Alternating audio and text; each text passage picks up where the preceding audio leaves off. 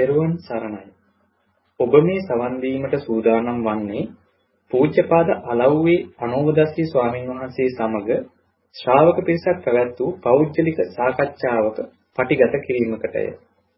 මෙය පෞද්ගලිකව පැවැත් වූ සාකච්ඡාවක් වුවද එහි සාකච්ඡා වන ධර්ම කරුණු ධර්මයේ සොයන බොහෝ දෙනාට ප්‍රයෝජනවත් වේ යන අදහසින් අන්තර්ජාලයට මුදා හැරිනා. එම නිසා මෙහි පටිගත කිරීමේ ගුණාත්මක භාවය ඇතුළු අනිකුත් නොවැදගත් කරුණු සඳහා අවධානය යොමු නොකර සූත්‍රයට හා විනයට ගලපා බලා ධර්ම කරුණු පමණක් උකහා ගැනීමට උත්සාහවත් වන ලෙස මෙත් සිතින් සිහිපත් කරමු. ත්වන් සරණයි. අර සුනිල් මහත්තයා ස්පර්ශය ගැන කිව්ව සලායතනේ මාරු වෙන අර ඒක කතාවයි ඊළඟට ස්පර්ශය ගැන අහපු එකයි එක මට මතක් වුණා දැන් මහානිදාන සූත්‍රය ගත්තාම සලායතන කතා කරන්නෙම නෑනේ. එතකොට නාම රූපයෙන් පස්සේනේ තියෙන්නේ. එතකොට නාම රූපයෙන් පස්සේ කතා කරන්නේ එතන සලායතනේ කතා නොකර එහෙනම් දැන් අවබෝධ විග්‍රහයක් නේ කරන්නේ. සලායතනය අන්තර්ගතයක් තියෙනවා නමුත් සලායතන අපි දන්න අපට ප්‍රකට වෙන බවක් කුළු ගැනීමක් නෑ එතන. ඇත්ත සලායතන කියන්න ඕනේ. තව එකක් මතක් වුණේ ඒකත් එක්ක කියන්නේ දැන් අපිට මෙහෙම එකක් තියෙනවානේ. දැන් පටිච්චසමුප්පාදයේ ක්‍රියා කරනකොට මේ ආයතන මාරු වීමක් තියෙනවනේ අපිට. ආයතන මාරු වීමෙදී කෙනෙකුට හිතෙන්න පුළුවන් නෑ. උදාහරණයක් දැන් ඔයාලට මං දිහා බලන් ඉන්නකොට එතන ආවේ මං දිහා බලන් ඉන්නකොට ඇස රූප ඇතිතන විඥාන ක්‍රියාකාරීත්වයට ඉඩ ඉඩ හම්බුන නිසා ඇස රූප ඇති බව හම්බුනේ. එතකොට ඒකත් එක්ක තමයි මම දැක්කේ. එතකොට එහෙනම් එකකින් හිතෙනවනේ ඒ විඥානයේ එතන ආවේ නැත්තම් මේ අසරූප ක්‍රියාකාරීත්වයට අවිද්‍යා ක්‍රියාකාරීත්වය ලැබිලා නැහැ. මොකද අවිද්‍යා ක්‍රියාකාරීත්වය ආවනම් අවිද්‍යා සංකාර ක්‍රියාකාරීත්වයේ විඥානීය පාසු භාවයට ආවනම් පේනවනේ. එතකොට එහෙනම් අපට එක පැත්තකින් යමු වෙනවනේ අවිද්‍යා ක්‍රියාකාරීත්වය. ඒ අවස්ථාවේ නැති බව. අනික ආය අවිද්‍යා ක්‍රියාකාරීත්වය අපි හිතමු කනට ඇහෙනකොට දැන් මේක නෑනේ. එහෙනම් කන පැත්තනේ ආපවතිය. ඒකෝට මේ අවිද්‍යාවේ නිකන් අර චලනයක් වගේ කියන්නේ. දැන් සාමාන්‍යයෙන් එක අවස්ථාවක තියෙනවා එතන කනට එනකොට ආයේ මාරු වීම අවිද්‍යාව. එතකොට ඔව් කැඩේ එහෙම කතා එහෙම ස්වභාවයකට යන සම්භාවිතාවයක් තියෙනවානේ. එතකොට ඕකට හේතු වෙන්නේම දැන් අපිට ඇහැට දැන් ඊළඟට තව එකක් තමයි. දැන් ඔන්න අපි හිතමු පේන කාරණාව අපි ඇහෙන එකට නැත්තම් මානසිකාර කරන එකට යොමු කරපු දැනනේ. පේන කාරණාව සිදු වෙලා නැහනේ. එතකොට පේන කාරණාව සිදු වෙලා නැහැ කියන කාරණාව එන්න එන්නේ පේන කාරණාවට හේතු ටික නැතිවීමෙන්නේ. ඔව්. හේත් පේන්නේ නැත්තේ. එහෙනම් පේන කාරණාවට හේතු ටික නැතිවීම කියලා කතා කරනකොට විඥාන පාතු භාවයක් නොවිච්ච එකනේ. විඥාන පාතු භාවයක් ආව නැති අවිද්‍ය මේ සමනාහරය නැති නිසානේ. එතකොට එහෙනම් එතන අපි ගත්තාම ඒ කාරණාවට විඥාණයට ප්‍රත්‍ය අවිද්‍යා සංකාර කියන කාරණාව ඇති නොවීමනේ එහෙනම් පෙනුන්නේ නැත්තේ. එතකොට අපි එක පැත්තකින් විද්‍යාවට ගිහිල්ලා. දැන් ඒ ඒ ඒ කාරණා මේක ගොඩක් හිතන්න ඕන කාරණා. මොකද අපිට සමහරවිට අපි මේ මේ අර ඇහැ කරනාසය දිවකය මනසේදී අපිට ඒ ඒ මොහොතේ හට ගන්නවා කියන කාරණාව දකිනකොට අපි මොහොතක නිරෝධයකට ස්පර්ශ කරා කියන දෘෂ්ටියට එනවා. ඔන්න දැන් අපි හිතුවට ඔය එකේ කය මොහොත නිරෝධය ගැන කතා කරන එක වැරදි කියලා කිව්වට ඔය අපට හිතෙන්නේ වැරදි කියලා හිතෙන්නේ අර ගැළපෙන්නේ නැති එකක් නේ. නමුත් එයාලට ඒ දෘෂ්ටි ආවේ යම් කල්පනාවකට. යම් කල්පනාවක ප්‍රතිඵලයක් ඒ දෘෂ්ටි එන්නේ. දැන් ඔන්න ඔය ඔය කල්පනාවට දෘෂ්ටි එනවා. ඔක සූක්ෂම තාඩයක් කල්පනා කරන්න ගියොත් එහෙම දැන් මම අර ඊයේ කිව්වේ මක්කලි ගෝසාලලාගේ දෘෂ්ටියයි අපේ දෘෂ්ටිය සමානයි කියලා. බුදුරණවහන්සේගේ ධර්මයේ හරියට ගියේ නැත්තම් ඔන්න ඔය වගේ දැන් අපි ඇත්තටම අර මොහොතේ මේ මොහොතේ නිවන කතා කරන ඒ ස්වභාවය අපි දෘෂ්ටියක් කියලා කිව්වට සමහරලාවට අපේ කල්පනාව ඒක. හැබැයි එයාලා ඒ කල්පනාවට ගිහිල්ලා එයාලා ඒ කල්පනාව ලොකුවට යන්න නැතුව දැන් අපි ඔක්කොම අහන්න නැතුවනේ අපි සතුටුයක් කියලා කියන්නේ. නමුත් එයාලගේ තියෙනවා යම් කල්පනාවක්. ඒ කල්පනාව තුල හටගත් දෘෂ්ටියක්. එතකොට ඔන්න ඔය ඒ කල්පනාවට ගැලපෙනවා මේ කාරණාව. ඒ කියන්නේ අස රූප විඥානට හේතු වෙන, ඒ කියන්නේ දැක්මට හේතු වෙන දේ තමයි විඥාන ක්‍රියාකාරීත්වය. ඒතර විඥාන ක්‍රියාකාරීත්වය තමයි මදුපින්න සූත්‍ර ගත්තොත් ඇස ඇතිතන රූප ඇතිතන නෙපෙන්නේ. ඒ විඥාන ක්‍රියාකාරීත්වය එක්කනේ. ඒතර ඇස ඇතිතන රූප ඇතිතන පේන්නේ අවිද්‍යාවත් එක්කනේ. එහෙනම් ඇස නැති තැන රූප නැති තැන පේන්නේ නැහැ. මදු පිරිසුත් එක පැහැදිලි කරනවා. එහෙනම් ඇස නැති තැන රූප නැති තැන පේන්නේ නැහැ කියන අනිත් පැත්තට විද්‍යාවනේ. අනිත් පැත්ත බලුත් විද්‍යාවනේ. ඒ කියන්නේ ඇස ඔව් ඇස ඔව් ඇස නැති තැන රූප ඇති තැන අවිද්‍යාව කියලා ගත්තාම ඇස නැති තැන රූප නැති තැන විද්‍යාව. එහෙනම් බලන්න ඒ ඒක අපි තව දිගට ගියොත් එහෙම මොහොතක නිවනක් ගිහිල්ලා. මම කියව තේරෙනවද? ඔව් හැබැයි දැන් එතනදී ඒ ඒක මොහොත කියන එක හරියට මන් දන්නේ. ඒ මොහොතේම අර සමන්නාහාරය අනිත් එකට සිද්ධ වෙලා අර පටිච්ච ඒක ඒක හරි. මුත් එතන දැන් මම අර ස්පර්ශය ගැන කියන්න තමයි මේ කාරණා පුළුවන් නැහැ ඒ කියන්නේ දැන් අපි ඒකට යනකොට අපිට තව පැත්තකට යනවානේ. ඒත් මාරුවීමක් ඒ කියන්නේ මොහොතක නිරෝධයකට ගිහිල්ලා මාරුවීමකට ගිහිල්ලානේ. ඒ කියන්නේ මොහොතක නිරෝධයක් මොහොතක ඇස නැති රූප නැති බව කියන්නේ ඒ වෙලාවේ ඇස නැති රූප නැති බව යොමු වෙලා යොමු වුණානේ. ඊළඟට වෙන එක ලැබුණ කන කන සද්දේ ඇතිතන එක හාවා. එතකොට අතන අතන අපට හම්බෙන්නේ ඇස නැති තැන රූප නැති තැන කියලා. දැන් ඔන්න ඔයයි කල්පනාවක් එක සියුම්ම මේ ටික ටික ඔක වැඩි දුර කල්පනා කරනකොට මොහොතක නිවනක් කතා කරන්න පුළුවන් කියනකොට. ඔන්න බලන්න මේක නේ. ධර්මයේ තුලින් කියන්නේ සාමාන්‍ය අතපත ගාලන් හිතුව ටිකක් ගැඹුරට යනකොට සමහරලාවට තවත් ශ්‍රද්ධාව මුල් කරගෙන බුදුන් වහන්සේ දේශනාවට ගියේ නැත්තම් අර වචන ටිකෙන් තව දෘෂ්ටියකට යනවා. එතකොට ඔන්න ඔය කාරණා හේතුපාදක කරගෙන මොහොතක නිවනක් කතා කරන්න වෙන්න පුළුවන්. එතකොට ඔන්න ඕකෙදි මම කියන්න උත්සාහ කරේ මේ ස්පර්ශය කියන කාරණාව. ස්පර්ශය අපි දැන් ඊයේ කතා කරේ. ඔන්න ඕක තවදුරටත් තේරුම් ගන්න මේක උපකාරයක් තියෙනවා. දැන් ඊයේ අපි කතා කරන්නේ කනට මගේ කනට ඇහෙන ශබ්දේනේ දැන් මේ යන්නේ ස්පර්ශය. දැන් ඒක නෙවෙයි කියන කාරණාව අපි කතා කරමු චක්කු සෝත සම්පස්සේ කියනකොට චක්කු සෝත චක්කු සෝතේ සද්දය ස්පර්ශ වීම කියන කාරණාව කන ශබ්ද ඇති බව කියලා හම්බවීමත් එක්ක. දැන් අරහෙම අරහෙම ගත්තොත් ඒ කියන්නේ මගේ කනට එන ස්පර්ශය නැතිවීම කියන කාරණාව මත ස්පර්ශය අපි පැනෙවුවොත් අන්න එතන මොහොත නිවන කතා ගන්න පුළුවන්. මගේ කනට ඇහෙන ස්පර්ශය, මගේ කනට ඇහෙන ශබ්දය, මගේ කනයි ශබ්දයයි විඥානයයි ක්‍රියාකාරීත්වය කියලා ගත්තහම ඒ විඥානීය ක්‍රියාකාරීත්වයට ඉඩ එන්නේ නැහැ. අවිද්‍යාව දුරු වීමෙන් තමයි ඉඩ එන්නේ නැත්තේ. එතකොට එහෙනම් අන්න මගේ කන ශබ්දය නැති වෙලානේ. දැන් අපි පැත්තකින් බැලුවත් කන ශබ්දය නැති වෙලානේ. මොකද ඒ කන ශබ්දය නැතිවීම කියන කාරණාව තමයි අනිත් පැත්තෙන් ඇතිවීමක් කතා කරන්නේ. එතකොට ඒකෙන් තර්කයේ ගැලපෙනවනේ අපිට මොහොත නිවන තියාගන්න බැරි කමක් මේක. අය අපි හිත මොහොතක නිවන තියාගන්න බැරි කමක් තමයි නැත්නම් ඇත්තම බැලුවොත් මොහොතක නිවනක් තියෙනවා. නිවන තියාගන්න බැරි කමක් අපිට තියෙනවා. අපේ මේ දැන් ඔන්න එකට කියන්න පුළුවන් අපිට සිහිය අඩුයි. අපිට සමාධිය අඩුයි. ඒ මේ අපිට වීරිය අඩුයි. ඒ නිසා අපිට මොහොතක නිවනක් තියාගන්න බෑ.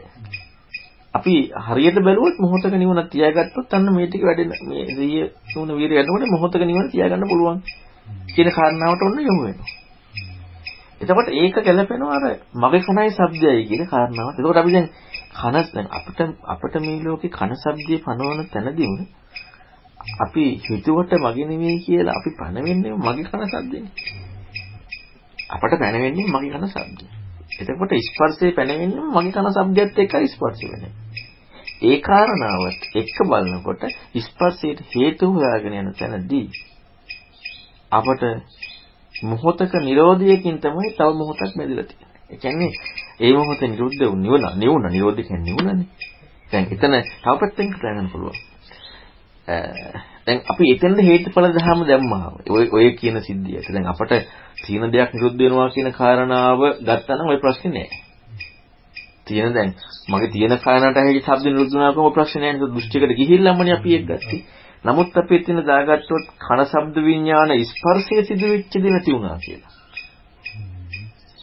දැන් තිබිච්ච කනට මගේ කනට ශබ්දය ඇහිලා නැති වුණ දෙයක්. එහෙනම් මේක පටිසම්පදාල අදාළ නෑනේ කොහොමද? හම්බෙලා නෑනේ පටිසම්පද දර්ශනය තිබුණේ නෑනේ. ඒක නැතිබොත් අපිට අන්න හරි. මොකද එතකොට අපි මේ තියෙන දෙයක් නැති වෙන කාරණාවට නිකී. ඒ නිසා බුදුරණවහන්සේගේ ධර්මයේ හේතුඵල දහම් හම්බෙලා නෑ. අපි වචනයකින් ස්පර්ශයකට දැම්මොත්. එතකොට අන්න හරි ඒ කාරණාව. නැත්නම් අපි දැම්මොත් මේ කන ශබ්ද විඥාන එකතු වීම ස්පර්ශය තමයි යෝග කියලා. එහෙනම් මගේ කන ශබ්ද විඥාන එකතු වීම ස්පර්ශය තමයි යෝග කියලා අපි දැම්මොත් අපි එතකොට මේ ඇත්තටම ගිහින් තියෙන්නේ සත්‍යයට. සත්‍යයට ගිය තැනදී ඒ සත්‍ය දකින්න ඒ කියන්නේ ඒ දර්ශනය නැත්නම් ඒ දැක්මට හේතුුනේ යම් හේතු ටිකක් නේ. එහෙනම් අවිද්‍යාව සංඛාර මිත්‍යාකාරීත්වය හේතු වුණා. එතකොට එහෙනම් හොඳට හිතලා බලන්න ඒ ස්පර්ශය දැන් අර කතා කරන දෙයක් නෑ අපිට. අනිත් ආයතනෙම කතා කරන්න ඕනේ දැන් මෙතන නිද වර්තමානයේ. මේ ස්පර්ශය නැති වෙනවා නම් නැති වෙන්නේ කොතනද? හේතු නැති වීමනේ. දැන් එහෙනම් අපිට මේ සද්ද ඇහුන්නේ කියලා කතා කරනකොට දැන් මේ සද්ද ඇහුන්නේ කියන කතා කරනකොට කතා කරන්න තියෙන්නේ එහෙනම් හේතු නැති වීමන්නේ. නේ? ඒක ඇහුන්නේ කියන කතාව කතා කරන්න තියෙන්නේ හේතු නැති වීමන්නේ. එහෙනම් හේතුව හැටියට අපි පටිසමුප්පාද න්‍යාය දාගත්තොත් එතන අවිද්‍යාව දුර වෙලානේ. හේතුව හැටියට පටිසමුප්පාද න්‍යාය අපි එතන දාගත්තොත් එහෙම මේ ස්පර්ශ ක්‍රියාවලිය කියලා එහෙනම් අවිද්‍යාව දුර වෙලා. අවිද්‍යාව දුරු වීමට ඥානය අවශ්‍ය වෙලා නැහැ. අපිට ඔය චින්තනයත් එක්ක සිහිය තිබ්බනම් සිහියෙන් විතර බලන් හිටියම අවිද්‍යාව දුරු වුණා කියන කාරණාව තේරුණා. මොකද එතන අපි දාගත්තොත් මේ කණයි සබ්දයයි විඥානය එකතු වීම පටිසමුපාදයේ විග්‍රහ කරන ස්පර්ශ විග්‍රහයයි කියලා දාගත්තොත් අන්න වැරදිද? ඒක කතා කරන තැනම යොමු වෙනවා මොහොතක නිවනවා. ඔව් දැන් ස්වාමීන් වහන්සේ දැන් අපි ශ්‍රද්ධාවෙන් දැන් වහන්සේ කියන කාරණේ පැහැදිලි විතර අපි වෙන අධ්‍යක් වෙන ආයතනයක ස්පර්ශයෙන් යමක් යොමු වෙලා තියෙන අවස්ථාවක ඊළඟට ඕන් සද්ද දෙවෙනි එකට. ඒකෝට මේ අතරතුරේ අර මොහොතක නිවනක් කියන කාරණා. ඉතින්ද අපිට පටිච්ච සම්පදේ කියන්නේ ඉතිමාස්මින් සති ඉදන් හෝති. ඒ කාරණේ මේ සම්බන්ධ වෙන්නම ඕනෑනේ කොහොම හරි. නැත්තම් මේ නැත්තම් අර කියන නිවන ගැන කතා කරන්න සිද්ධ වෙනවනේ. ඉතින් එතකොට ඒක අපි කොහොමද හිතන්නේ? එතන මේ අනිවාර්යයෙන්ම පටිච්ච සම්පදායේ මෙතෙන්ද අපිට ගලපන්න සිද්ධ වෙනවනේ. ඉතින් එතකොට ඒ ආයතන දෙකක් මාරු වීමක් එතන තියෙනවා. ඒ ආයතන දෙක මාරු වෙනකොට අපිට හිතන්න තියෙන අනිවාර්යයෙන්ම රජ්‍යෝ සමන්නාහාරෝ කියන කාරණේමනේ එතන වෙනස් වෙන්නේ. ඔව් නමුත් දැන් එතන මෙහෙම එකක් තියෙනවා. ඒ කියන කාරණාව හරි. වෙනස් වෙන්නේ කියන කාරණාවේදී දැන් බුදුරන් වහන්සේ කොතනකවත් පෙන්නලා නැහැනේ මේකෙන් මේකට පණිනවා කියලා. අන්න එහෙම එකක් කියලා නැහැ. දැන් මේ ඇහෙන් කනට යනවා. කනෙන් නාසයට යනවා. නාසයෙන් දිවට යනවා. එතකොට එහෙම දැන් ඒ විදිහට යනවා කියන විග්‍රහයක් තුලම අපට තියෙනවානේ මේකෙදි මේ වෙනස් ක්‍රියාකාරීත්වය. ඒ කියන්නේ එකිනෙකට සම්බන්ධ නොවිච්ච ආයතන ටික හය ගත්තාම එතකොට මේ හය හයක් නේ. එතකොට මේ හය හයක් නම් හය හුදකලයි. ඔව්. ඔව්. හය හයක් නම් හය හුදකලයි.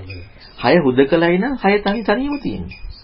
හය තනි තනියම තියෙනවා නම් අපිට මේ තියෙන දෙයක් නෙමෙයි තියෙන්නේ. දැන් හය දැන් අපි දැන් දන්නවා ලෝකයක් ලෝකයේ මට්ටමින් ගන්නකොට 60 මේ මේ සද්ද හෙන්නේ නැහනේ.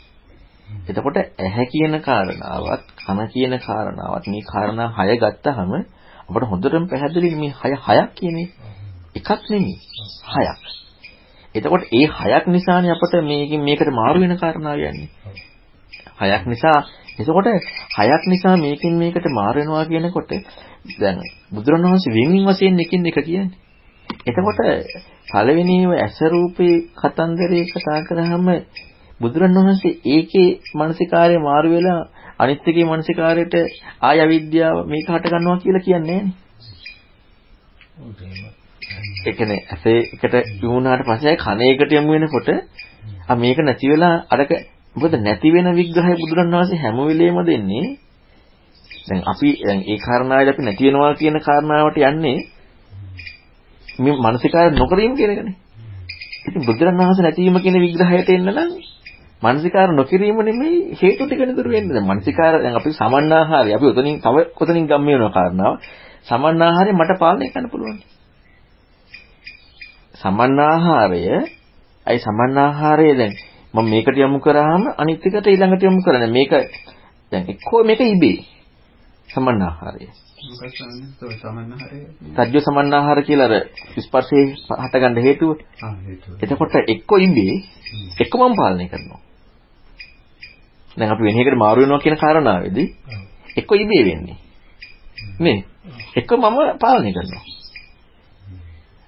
නැත්නම් දෙවියම වල. ඔන්න ඔය කියන්නේ මොකක් හරි ඒ කියන්නේ දැන් දෙවියම වල කියන එකට ඒක ගොඩක් මේ වැරදීනේ. නමුත් අපිට ඉබේ කියන කාරණාවකට යමු වෙලානේ. පටිච්ච සමු දැන් ඔන්න හිතන්නේ පටිච්ච සමුප්පන්න කියනවා නම් ඒක පටිච්ච සමුප්පන්න කියනවා නම් ඒ සමන්න ආහාරය කණෙන් ඇහැට මාරු වෙද්දී පටිච්ච සමුප්පන්න නම් කණේක නැති වෙන්න හේතු නැති වෙන්න ඉතින් පටිච්ච සමුප්පන්න වෙන්න නම් කණේක නැති වෙන්න හේතු නැති වෙන්න ඕනේ හේතු නැති වුණොත් තමයි කණේක නැති වෙන්නේ හේතු නැති වුණා නම් විද්‍යාවනේ හේතු නැති වුණා නම් විද්‍යාව නැත්තම් අපි මාරු වෙනවා කියලා කතා කරාම ඒ ඉබේ නෙවුන්නේ ඒක දැන් කණේක ඇහේක කනට මාරු වෙනොත් එහෙම ඉබේ නේද තියෙන්නේ. නැත්නම් මම කරේ. ඇහෙන් කනට මාරු කරගත්ත මම. ඒක පටිසම්පන්නනේ. එතන නම් ඉතින් පැහැදිලිවම එහෙම හිතන්න දෙයක් තියෙනවා. හැබැයි එතන දැන් අරමුණු දෙක ගත්තාම ආයතන දෙක ගත්තාම සජ්ජෝ සමන්නාහරෝ කියන කාරණේ නේද මෙතන වැදගත්ම වෙන්නේ අර අවිද්‍යාව. ඒක තමයි. දැන් අවිද්‍යාව විද්‍යාවත් එක්ක මේ යන කාරණා වැදගත්ම කාරණාව. නමුත් මේ වැදගත් කාරණාව ওই වචනේ නෙමෙයිනේ. පටිච්චසමුප්පන්න බවනේ. ඔව් පටිච්චසමුප්පාද සමන්නාහාර කියන වචනේ නෙමෙයි වැදගත්කම. ඒ ක්‍රියාව නමුත් ඒ තජ්ජෝ සමන්නාහාරයෙන් කුළු ගැන්වෙන්නේ පටිච්චසමුප්පාද ධර්මයනේ. දැන් පටිච්චසමුප්පාදයේ හම්බෙන්නේ නැතුව තජ්ජෝ සමන්නාහාරي අර්ථයක් නිකන් කතා කරාට ඒක අර්ථයක් එන්නේ නැහැ. මම අර ඊයේ කිව්වේ මේ නිවන කතා කරනකොට සෝපසානුපත කතා කරලා වැඩක් නැහැ නේ. එහෙනම් තජ්ජෝ සමන්නාහාරය කුළු ගැන්වෙන්න ඕනේ පටිසමුපාදේ 1. පටිච්චසමුප්පාද එක්ක නැතුව තජ්ජෝ සමන්නාහාරයේ කුළු ගැනුණාට ඒක අපි නොදැනුවත්වම කියන්නේ අපේ මූලික විග්‍රහයට අපි යමක් තේරුම් ගන්නවා. ඒක ඒක ඒක නැහැ කියන එක නෙමෙයි මම කියන්නේ. නමුත් දැන් මම ඊයේ කිව්වේ යෝනිසු මනසිකාරයට හැමපැත්තෙම යන්න ඕනේ කියන කාරණාව. එතකොට අපි තජ්ජෝ සමන්නාහාරයේ කියන කාරණාව අපි දකින කෝණෙදී දකින්න කෝණේ සජ්ජෝ සමන්නාහාරයේ ආයතන 6 ඔස්සේ ක්‍රියා වෙනකොට ඒ තජ්ජෝ සමන්නාහාරය ක්‍රියාත්මක වෙන්නේ කොහොමද? තජ්ජෝ සමන්නාහාරය පටිච්ච සමුප්පන්න විය යුතුයි. පටිච්චසමුප්පන්න විය යුතුයි. ඔව්. පටිච්චසමුප්පන්න නැතිනම් ඒක කරුණු කිහිපයකට යන්නේ. එක්ක ඉබේ. එක්ක තමන් කරපු දෙයක් නැත්තම් දෙවියන් මවපු දෙයක්. ওই තුනට යන්නේ. ওই තුන ওই තුන තමයි තීර්ථායතන තුන. පටිච්චසමුප්පන්න බවට ගියොත් විතරයි ওই තුනට නොයන්නේ. එහෙනම් පටිච්චසමුප්පන්න බව එක්ක කතා කරොත් එහෙම පටිච්චසමුප්පන්න භවයේ තජ්ජෝ සමන්නාහාරය නැති වෙන්න ඒ කියන්නේ අපි තුම ඇහැට තජ්ජෝ සමන්නාහාරය යමු නොවෙන්න හේතු දුරු වේ යුතුයිනේ. ඇහැට තජ්ජෝ සමන්නාහාරය යමු නොවෙන්න හේතු දුරු දැන් අපිට පේන එක නැති වුනහමනේ ඇහෙන එක හම්බෙන්නේ. ඒතර පේන එක නැති වෙන්නේ තජ්ජෝ සමන්නාහාර නැතිවීමෙන්නේ. එහෙනම් තජ්ජෝ සමන්නාහාරය නැති වෙන්නේ ඉබේ නෙමෙයිනේ. සජ්ජෝ සමන්නාහාරය නැති වෙන්නේ මම කරපු නැති කිරීමක් නෙමෙයිනේ. සජ්ජෝ සමන්නාහාර දෙවියෝ නැති කරා නෙමෙයිනේ. දැන් සජ්ජෝ සමන් නැති උනේ හේතු නැතිවීම. වෙන ක්‍රමයක නෙමෙයි. ස්වාමීනාද දැන් මහා හත්තිපදෝපම සූත්‍රයේනේ සජ්ජෝ සමන්නාහාර කාරණේ පැහැදිලි කරන්නේ. දැන් අපි ගත්තොත් මදුපිණ්ඩික සූත්‍රය වගේ ගත්තාම එතනදී එතනදී කෙලින්ම තියෙන ඇස ඇතිතන රූප ඇතිතන. ඔව් එහෙමනේ තියෙන්නේ. මහා හත්තිපදෝපම සූත්‍රයට අමතර වෙන මොනවත් කොහේ හරි සූත්‍රයක මේ ඔය සමන්නාහාරය තියෙන සමන්නාහාරයේ වචන විග්‍රහ කරනවා. ඔතෙන්ද විග්‍රහ කරලා නැහැ. සමන්නාහාරය දැන් ඒ විශේෂයෙන් ධර්මය අහනකොට තියෙන ඔන්න එකකින් හරි වැදගත්. ධර්මය අහනකොට තියෙනවා සමන්නාහාරය කියන්නේ ඒකට යොමු කර ධර්මය අවබෝධ කර ගැනීමට ඒකටම යොමු වෙච්ච දේ තියෙනවා. ධර්මය අහනකොට. ඔය වගේ වචන දෙකක් තියෙනවා. ඒ තජ්ජ කියනකොට එයින් එයින් හට ගන්නවා කියන්නේ කාරණාව කුළු ගන්නේ. එතකොට දැන් අසහචිතන රූප රචිතන කියන කාරණායි දැන් අපි කොහොමද දන්නවනේ විඥාන ඕන හැමතැනම විග්‍රහ කරන විඥානේ පහළ බව. අපි තදිය සමාන අතහරිමුකෝ. විඥානේ පහළ විඥානි හට ගැනීමනේ විග්‍රහ වෙන්නේ හැමතැනම ස්පර්ශයකට විඥානි හට ගැනීම විග්‍රහ වෙන්නේ. ඒතර අපි විඥානි හට ගැනීම ගත්තොත් තදිය සමාන හරි අයින් කරලා විඥානේ එහෙනම් චක්කු විඥානේ ඇති වුණා නම් නාම රූප හම්බෙනවනේ. සජ්ජ සමානහය අතහැරලා ඔන්න චක්කු විඥානය ඇති වෙනවා. චක්කු විඥානයේ නිසානේ අපිට මේ නාම රූප ක්‍රියාකාරීත්වයෙන් පේන්නේ. එතකොට නේ චක්කු විඥානය තියෙද්දිද සෝත විඥාන හටගන්නේ. චක්කු විඥානයේ තියෙද්දි සෝත විඥානය හටගත්තොත් එතකොට සද්ද ඇහෙන ඒතර විඥානයේ දෙකක් ක්‍රියා කරනවා. ඒතර කොහොමද මේ නාම රූප වෙන් කරගන්නේ? වෙන් කරගන්න බෑනේ. සෝත විඥානයේදී ශබ්දේනේ හම්බෙන්නේ. චක්කු විඥානයේදී පෙනීම හම්බෙන්නේ. ඒතකොට චක්කු විඥානයේ දුරු වෙන්නේ චක්කු විඥානේ නැත් ඔන්න පරිසම්පද දාගන්න එක වැරද්ද මම කියන්නේ. චක්කු විඥානය ලෝකේ මට්ටමින් නැති වුණා. ඒක ඇත්ත. ලෝකේ මට්ටමට කතා කරේ. පටිසම්පාදෙන්නේ නෙමෙයි. පටිසම්පාදයක කතා කරලා මේ මේ ක්‍රියාව කතා කරන්න ගියාම ආයතන වින්ගින් වශයෙන් මාරු වීම කතා කරන්න ගියාම චක්ක විඥානය නිරුද්ධ වන්නේ පටිසම්පාද හේතු ටික නිරුද්ධ වීම. එහෙනම් හේතු ටික නිරුද්ධ වීම කියන්නේ අවිද්‍යාව නිරුද්ධ වෙන්න ඕනේ. අවිද්‍යාව නිරුද්ධ වුණ තැනදී චක්ක විඥාන නිරුද්ධ වන්නේ. මොකද දැන් සෝත විඥාණයට සෝත විඥානයේ සද්දය ඇහෙනකොට චක්ක විඥාන රූප වෙන්නේ නැහනේ. සද්දෙන්නේ ඇහෙන සෝත විඥාණයට. සෝත විඥාණයට සද්දය ඇහෙන්නේ චක්ක විඥානේ රූප වෙනෙන ක්‍රියාව නැති නිසානේ. එහෙනම් චක්ක විඥානීය ක්‍රියාකාරීත්වයට අදාළ හේතු ටික දුරු වුණානේ. ඒ මොහොතක නිවනකට ගිහිල්ලානේ.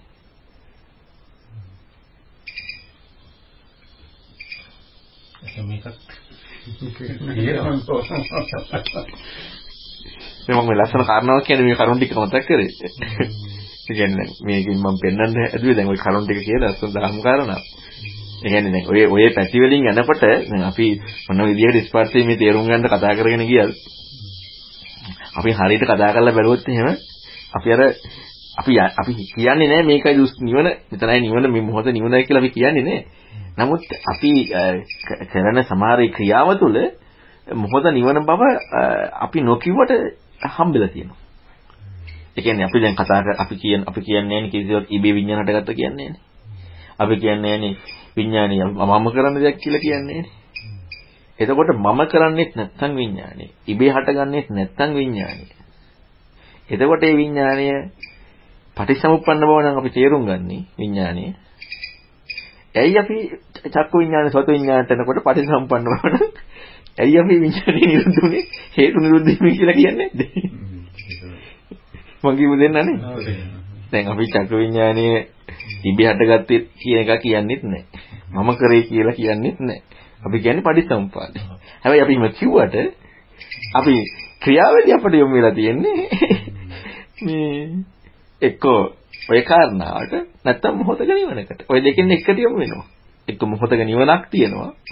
නැත්තම් ඉබේ තමයි විඥාන ටික මාරු වෙන්නේ.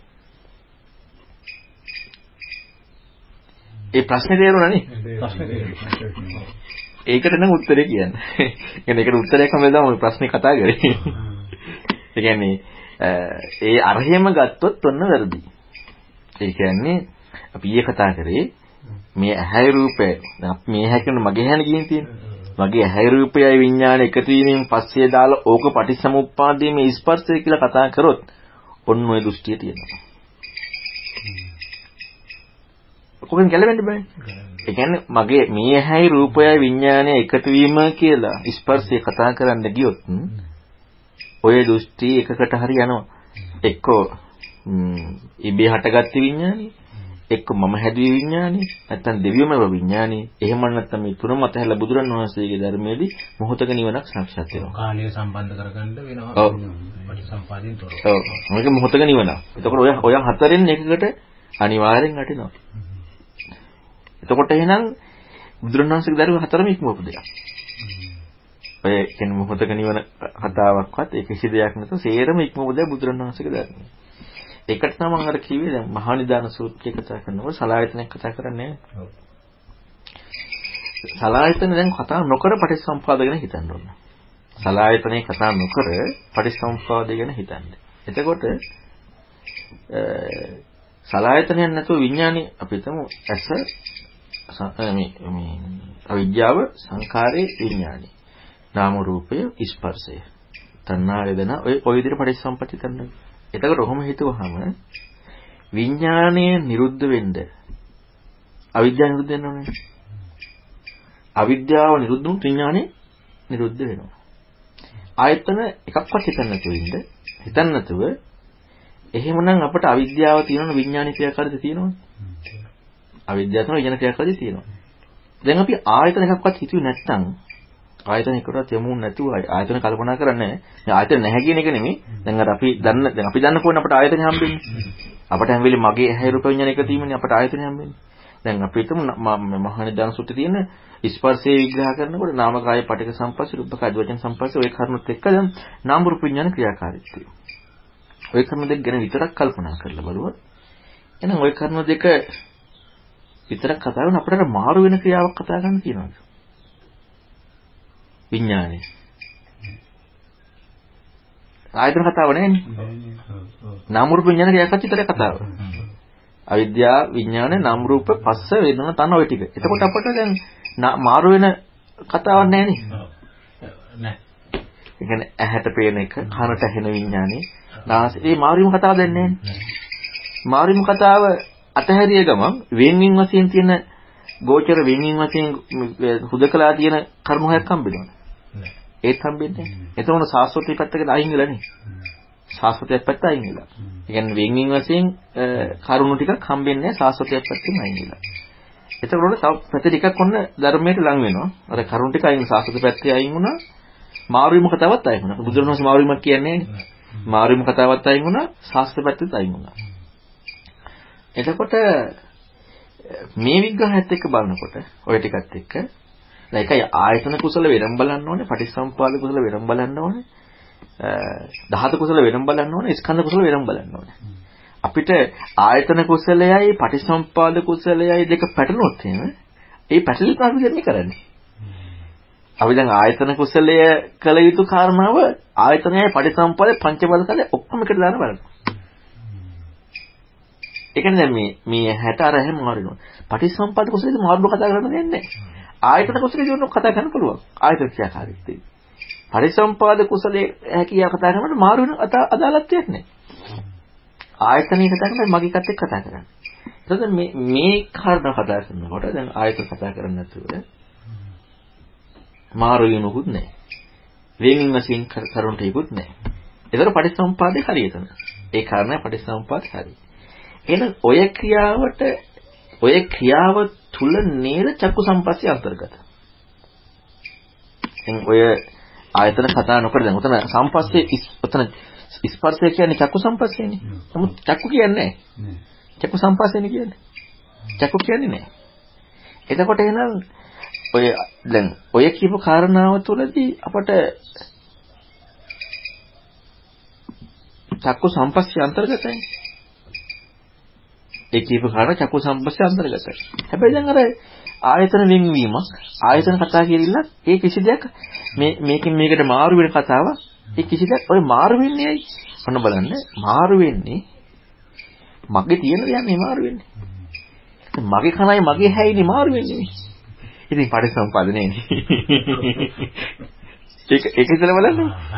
දැන් මාරු වෙන්නේ මගේ කනයි මගේ ඇහැයි මගේ නාසයයි මාරු වෙන්නේ මෙතෙන් දැන් වලට. එතකොට අපි දැන් පරිසම්පාදේ දාගෙන මේ කතා කරන ක්‍රියාව පරිසම්පාද නෙවෙයි. බුදුරණවහන්සේ කියනවා දුන පරිසම්පාද නෙවෙයි කතා කරන්නේ. හරි ලස්සනයි. එතකොට අපි කතා කරන්නේ මේ අපේ ලෝකේ. අපේ ලෝකෙ ටික තමයි කල්පනා කරගෙන යනවා. අර උපමාවම තමයි දෙන්නේ මේ ඒ කියන්නේ ඊළඟට ඉන්නේ. ඔව් උපමාව තමයි අපිට එතෙන්ද හිතන්න තියෙන්නේ කොච්චර සිනු විදිහට මේන් අපි තව පැත්තෙන් ආය අහුවෙලා. ඔව් එතකොට එහෙනම් බලන්න අපිට අපි මම අර එකයි කිව්වේ. අපි ඇත්තටම අපේ අවංක සක්කාය දුරු කරන්නේ.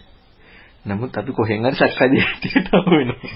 يعني කොහෙන් හරි අපි කැමති අපට අර අර අරක තේරෙන බවකට යන්න අපි කොහෙන් හරි කැමැත්තක් තියෙනවා. නමුත් අන්න ඕක හවුනා නම් අපට තේරොච්ච බව හම්බෙච්ච දේ වැරදි කියලා.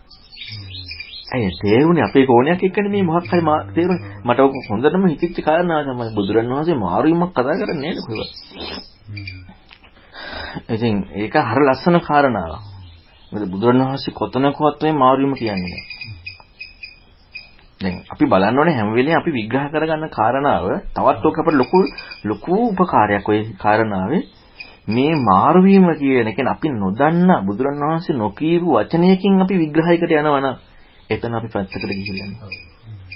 බුදුරණවහන්සේ නොකීපු වචනයකින් අපි තව විග්‍රහයකට යනවා නම් අපි තව පැත්තකට ගිහිල්ලා. ඇත්තටම දැන් මේ මහානිදාන සූත්‍රයේ ඇයි එහෙම මේ මේක දාන්න නැතුව මේ විදිහ කරේ කියලාත් අපිට මුලදී විශාල ගැටලු ප්‍රශ්නයක් තිබුණානේ. අපි කොච්චරක් හිතනවනේ මොකද මේ අනිත් හැමතැනම මේ මේ කාරණේ නමුත් මේක නෑ. ඉතින් මේක හරි පැටලිල්ලන්නේ කියලා ඒ වෙතට. හැබැයි ඉතින් ඒක තමයි එතකොට මොකද අපි අර අපි අර දැම්මනම් ආයෙත් අපි අපට ওই ආයතනෙ ප්‍රශ්නේ උනේ උතන නැති එක. අපි මේ දාකට ස්පර්ශnet ස්පර්ශයට ආයතන ප්‍රශ්න නැති නිසා. අපි දාගත්ත ස්පර්ශය කියන කාරණාව බුදුරණවහන්සේ පෙන්නපු දෙයක් නෙවෙයි. අපට අපට හරිය ස්පර්ශය මොකද්ද කියලා හම්බුණා නම් බුදුරණවහන්සේ පෙන්නපු ඒ ප්‍රශ්නේ. ප්‍රශ්නේ ප්‍රශ්නේ නෑ. ප්‍රශ්නේ නෑ. දැන් බලන්නකෝ අර මාරු වීම කියන විග්‍රහයත් ඊළඟට අර හරියට ඒකයි හරියට කල්පනා කරන්න ඕන කියන්නේ. අපි හරියට කල්පනා කරොත් දැන් කි මාරු වෙන කතාව එතන අපි ඇත්තටම මොහොතක නිවනක් පත් වෙලා. අපි අපි පටිසම්පාදි පැත්තෙන් ඕක කතා කරනවා නම් අපි ඉබේ හටගත්තෙත් නෑ තමන් හදුවෙත් නෑ දෙවියෝ හදුවෙත් නෑ කියනවනම් පටිසම්පාදි පැත්තෙන් අපි කතා කරන්නේ. අයි මොහොතක නිවනකටපත් වෙලා. ඒතර බලන්න ධර්මයේ කොච්චර ඈත් වෙනවද කියලා. බලන්න එහෙනම් දැන් මේ කල්පනා කරනකොට මට හිතුනේ අපට ධර්මයේ හම්බ නොවිච්ච අවස්ථා කොච්චර තියෙන්නේද? ඇයි අපි කොහෙන් හරි තව පැත්තකට අහුවෙලා යනවා. හැබැයි අහුවෙන්නේ වෙන දෙයකින් නෙවෙයි. මේ ධර්මයෙන්. ධර්මයේ කියලා අපි අපි ධර්මයේ නෙමෙයි ධර්මයේ කියලා අපි තේරුම් ගත දෙන්නේ. කොටු වෙලා ඉන්න රාමුව ඇතුලේ තමයි මේ මේ ප්‍රශ්නේ ඇති වෙන්නේ. ඇති වෙන්නේ. ඉතින් ඒක පුළුවන් තරම් විවෘත වෙනකොට සියුම් වෙනකොට මේක නිකන් කියන්නේ බුදුන් වහන්සේගේ ධර්මයම නම් ඒ යෝනිසෝ මනසිකාරය කරන්නේ ප්‍රශ්නේ ඉවරයි. ඒකට ඇත්තට මේ එතකොට අන්න ස්පර්ශය කියන එක එතන ඩවුල් වෙනවා. එතකොට එහෙනම් ස්පර්ශය කියලා කියන්නේ අර ඊයේ අපි කතා කරා වගේ අස රූප ඇති බව ඔය ඔය ගැනීම තුළදී අස රූප ඇති බව විඥාණයට හම්බ වීමේදී චක්කු විඥානෙනේ. ඇස රූප ඇති බව විඥාණයට හම්බුනේ විඥාණයට චක්කු විඥානෙත් එක්ක නාම රූපේ හම්බුනේ. ඇස රූප ඇති බව හම්බ වුණේදී අපිනේ ගන්නෙ ඇහැට රූපේ කියලා. එතකොට අපි රූප සම්පස්සේ දැන් අපි මේ දාන විස්පර්ශය අපිනේ ගන්නෙ ඇහැට රූපේ කියලා. දැන් පටිච්චසමුප්පාදයේදී මේක වෙන් වශයෙන් චක්කු විඥාන, සෝත විඥාන, ගහන විඥාන කතා කරනවා. ඒ ඒ අදාළ පෙනීමට අදාළ පසුබිම පසුබිම අපට පෙන්වන්න අපට ලෝකේ හම්බෙන පසුබිමනේ තියෙන්නේ.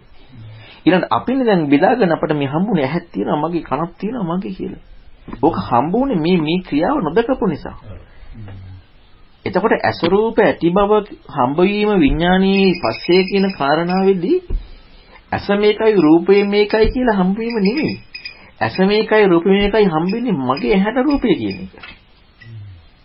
ඇස රූප ඇති බවට ඒක හොඳටම තේරුම් ගන්න පුළුවන් අර හත්තු පාදකම් සූත්‍රය. දැන් අපිට අතින් ක්‍රියාවක් කරද්දී අත කියලා අපට සාමාන්‍ය කියේ.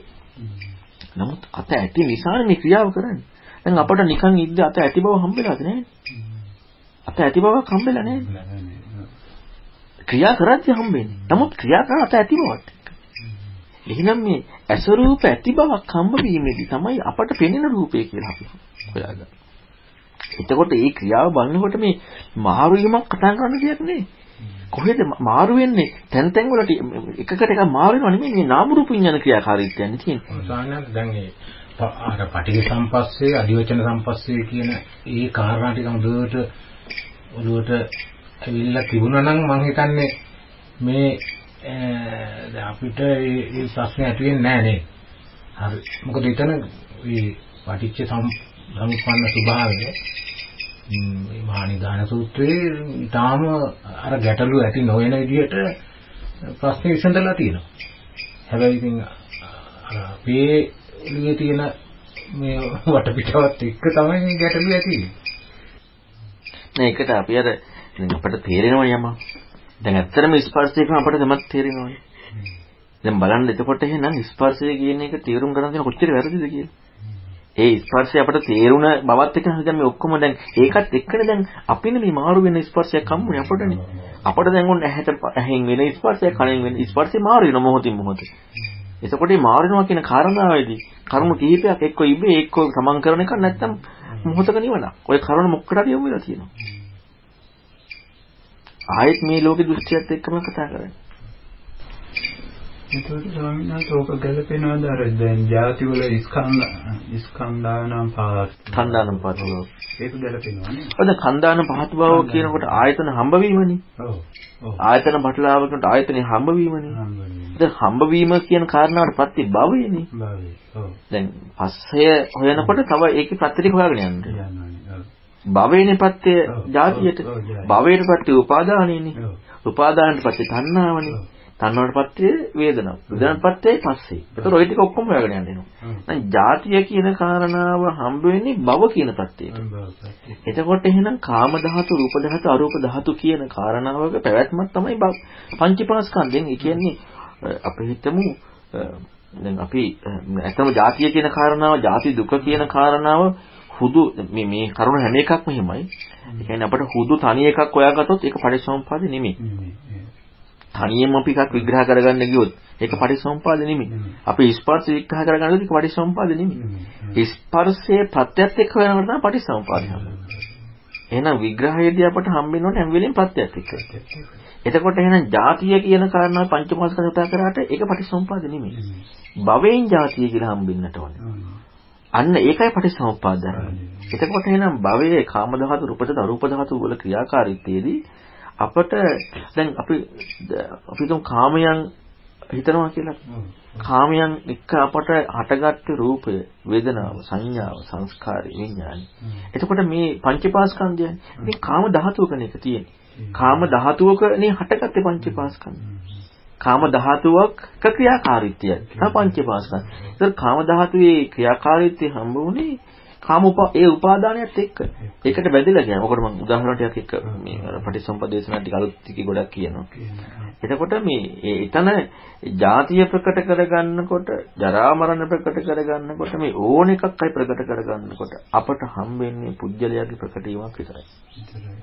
ඒකවල ස්වාමීන් වහන්සේ පටිච්චසමුප්පාදයේ ඇත්තටම මේ ජෝඩි ජෝඩු ඇරෙන්න ඒකේ ලින්ක් එකක් ගන්න ගියොත් ඒ තත්ත්වයට යනවා. ඔව් ඔව්. එහෙම බෑ. මොකද ඇත්තටම අපි හරියට බැලුවොත් හැම එකක්ම බුදුරණවහන්සේ කියපු දිතියට හැරෙන්න එන්න කිසිම ක්‍රමයකට අපි යන්න ගොත වරදිනවා. කිසි දියකට යන්න බෑ. හැම වෙලෙම ජෝඩු ජෝඩු යන්න ඕනේ. ඒක නම් පරිසම්පද න්‍යායයි. හැබැයි ඒක යනකොට විඥානීය ප්‍රත්‍ය මේ මේ භවය කියලා එහෙම ගන්න බෑ. ඒකේ අදාළ ප්‍රත්‍ය බුදුරණවහන්සේ කියන්නේ. අන්නේ ප්‍රත්‍යත් ගන්නවා. අද බුදුරණවහන්සේ විතරයි විඥාන නාම රූප අන්‍යෝන්‍ය ප්‍රත්‍ය පෙන්නේ. අනික්කට පෙන්වෙන්නේ නෑ. දැන් සමහර කට්ටිය අනිත් අනිත් පැත්ත කවදා කතා කරන්න බෑ. ඕක විතරයි. විඥාන නාම රූප දෙන්න ඕනි ප්‍රත්‍ය. ආය අවිජ්ජාස්රව. අවිජ්ජාව ආශ්‍රව අන්‍යෝන්‍ය ප්‍රත්‍යක් තියෙනවා. විඥාන නාම රූප අන්‍යෝන්‍ය ප්‍රත්‍යක් තියෙනවා. මොකද ওই දෙකම සම්දිස්ථානයක් මූලාරම්භේ. දෙකම සංදිස්ථානයන්නේ. විඥාන නාම රූපෙන් තමයි ලෝකෙ ප්‍රකට වන්නේ. මේ දෙකේ අනුන්පත්ති. අවිජ්ජා ආශ්‍රව තමයි මූලිකම කාරණාව. අන්න ඒකත් සංදිස්ථානයි. ඉතින් ඒ කරුණු දෙක බුදුරණවහන්සේ අන්‍යන්පත්ති විග්‍රහ කරනවා. ස්වාමීන් වහන්සේ පොඩ්ඩක් මට ඕක පැටලිලි අර මේ නාම රූපේ පටිඝ සම්පස්සයයි නාමයේ නේද? නාමයේ පටික සම්පස්ස. පස්සේ රූපේ අදිවචන ඒක චූට්ටක් පැහැදිලි කරන්න නෑ එතන ඇත්තම නාම රූපය අන්‍යෝන්‍ය ප්‍රතිවිග්‍රහ කරන්න කියලා කරන්නේ. දැන් මම ඒක අර ආයතන අතහැරලා කතා කරන්න කියලා කිව්වේ ඒකයි. ඒකට මම උදාහරණයක් මෙහෙම කියන්නම්කෝ මේ මම ඔක මම දැන් කියනවා. වතුර නිෂ්පාදනය කරන ආයතන හයක් ගමුකෝ. වතුර නිෂ්පාදනය කරන ආයතන හයක්. එතකොට ඇමරිකන් ඊළඟ නක්ලස් වගේ. ඔක්කොම බෝතල් වලට දාන අමුද්‍රව්‍ය එකයි. ඒකයි. ඊළඟට වතුර ටික එකයි. දාන්නෙත් එකම දෙයක්. එන්නෙත් එළියට එකම දෙයක්. වෙනසක් නැහැනේ. දාන්නෙත් එකම දේ එළියට එන්නෙත් එකම දේ. ආයතනීය නම් කරන එක විතරයි මේක ඇමරිකන් මේක නක්ලස් කියලා නම් කරන එක විතරයි තියෙන්නේ. ඒ ක්‍රියාකාරීත්වය ඔක්කොම එකයි. එතකොට එතකොට ප්‍රකට වෙන කාරණාව අන්න ඒක තමයි නාම රූප ක්‍රියාකාරීත්වය කියන්නේ. මොකද විඥාණයෙන් ප්‍රකට වෙන්නේ. ඔව්. නාමයක් නම් කිරීමක් ප්‍රකට වෙන්නේ රූපයකට.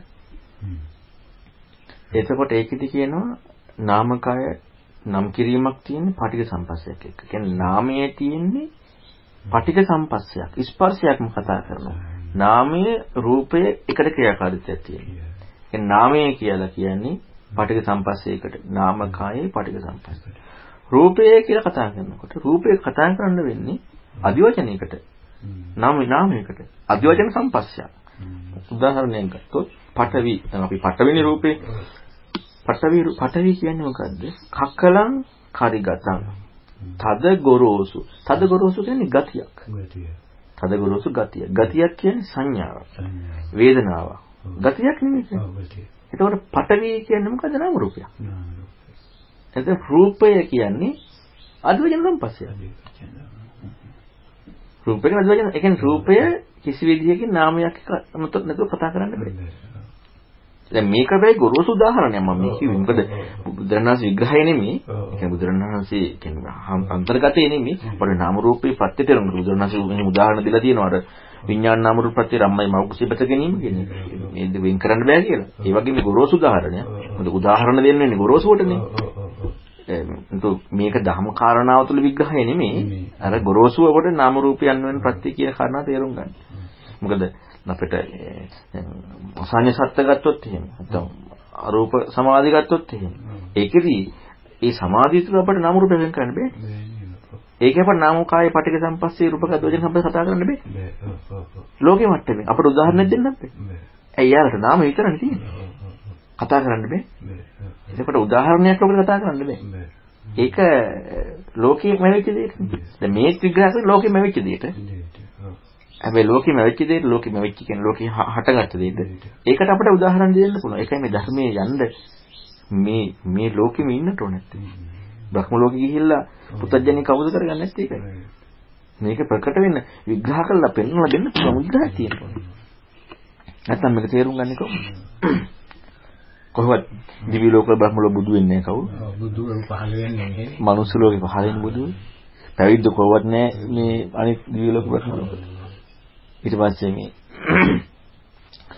බුදුරන් වහන්සේගේ කාලේ විතරයි සාමාන්‍යයෙන් අහන්න ලැබිලා තියෙන දිවි ලෝකේ පුතඥයෙක් මාර්ගඵල ලැබලා තියෙනවා. අනිත් කාලවල අහන්න ලැබිලා නැහැ. මේ ඒකේ කියන්නේ සෝතනද සූත්‍රයේ තියෙන්නේ ඒ ditthසුප්පටි දක්වා දිනු කරගත්ත කෙනාට බණ හෙද්දී අවබෝධ කරගන්නවා කියලා තියෙනවා. ඒත් එහෙම කෙනෙකුට ඒ කියන්නේ මේ මේ ධර්මය අවබෝධ කරගන්නවා කියලා තියෙනවා. හැම පැත්තෙම ගත්තට පස්සේ ඒ කියන්නේ තේරුම් ගත්ත කෙනාට අතන හොඳයි. දිව්‍ය ලෝකේ බ්‍රහ්ම ලෝකේ තේරුම් ගත්ත කෙනාට අවබෝධ කරගත්ත කෙනාට තමයි බ්‍රහ්ම ලෝකේ කියන්නේ කොහොමද තේරුම් ගත්ත කෙනා අවබෝධ කර යොමු වෙනවා. අවබෝධ කරගත්ත කෙනාට බ්‍රහ්ම ලෝකේ කොහොමද හොඳ වෙන්නේ? දිව්‍ය ලෝකේ තේරුම් ගත්ත කෙනාට හොඳයි. තේරුම් නොගත්ත කෙනාට ඉතින් දිව්‍ය ලෝකේ හොඳයි කියලා ඒකාන්තයෙන් කතා කරලා සැපලින් ඉන්න පුළුවන්. එතනින් පල්ලයි. ඔව්. එහෙනම් මේ කාරණාව ගැන හිතන මේක ඒක මතක් කරගන්න මේක